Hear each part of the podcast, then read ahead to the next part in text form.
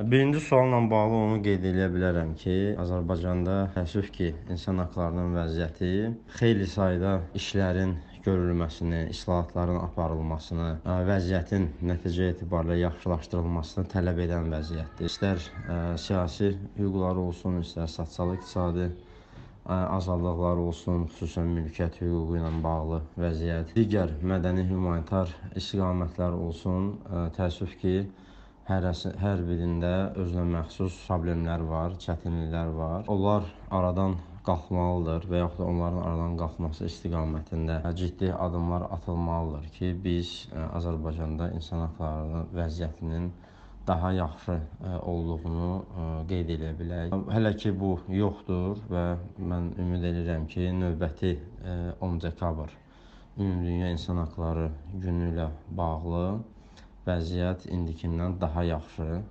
daha irəliyə doğru ə, inkişaf etmiş şəkildə olacaq. Problemlərin həll edilməməsi ə, bir sıra amillərlə bağlıdır, amma bir birinci ə, amil ondan ibarətdir ki, əlbəttə ki, siyasi iradə ə, nümayiş etdirilməlidir. Yəni hökumət tərəfindən belə bir siyasi iradə ortaya qoyularsa, ə, çox qısa bir zamanda müxtəlif ə, hüquq və azadlıqlarla bağlı olan problemləri həll etmək mümkündür. İkinci edilməli olan, atılmalı olan addım vətəndaş cəmiyyətinin özünün inkişaf etdirilməsi istiqamətində addımları olmalıdır.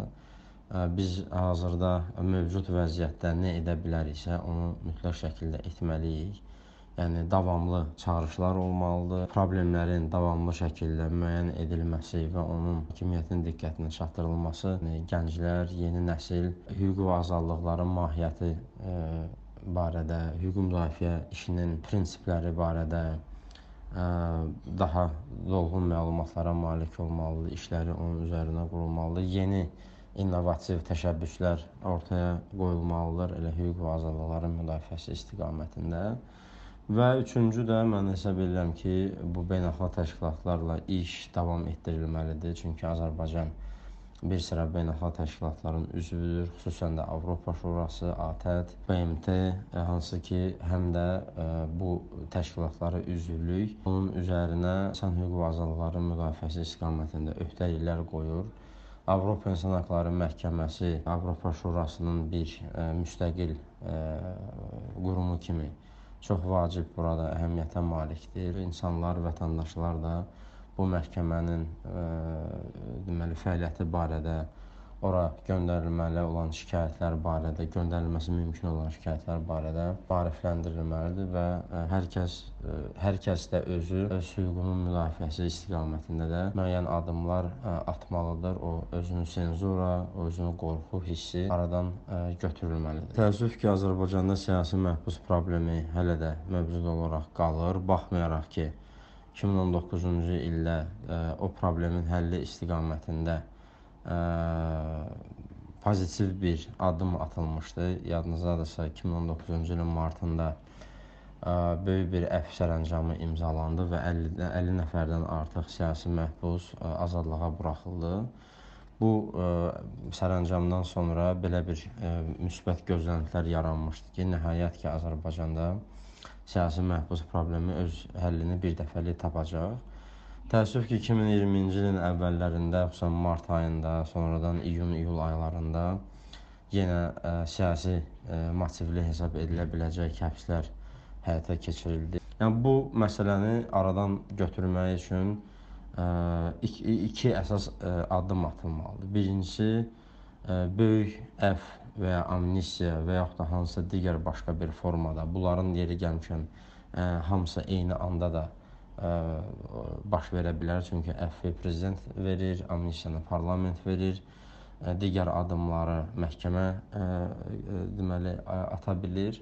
Yəni bunların hamısı ə, yəni bu hüquqi mexanizmləri işə salıb ə, adları müxtəlif siyahılarda olan şəxsləri azadlığa buraxmaq mümkündür. Yəni birinci addım bu olmalıdır. İkinci addım isə e, artıq başlanılmış bu məhkəmə hüquq islahatları kimi təqdim edilən islahatları e, həqiqi islahatlara çevirmək lazımdır.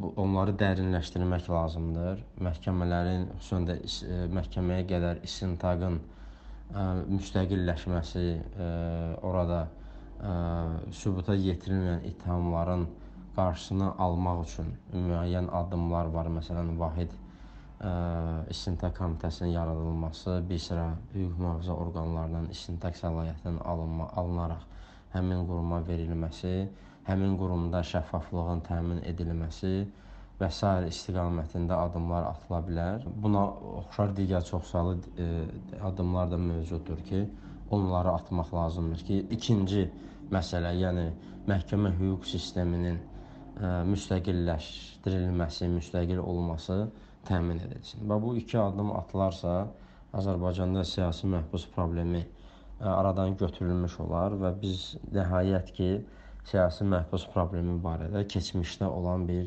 problem kimi ə, danışa bilərik.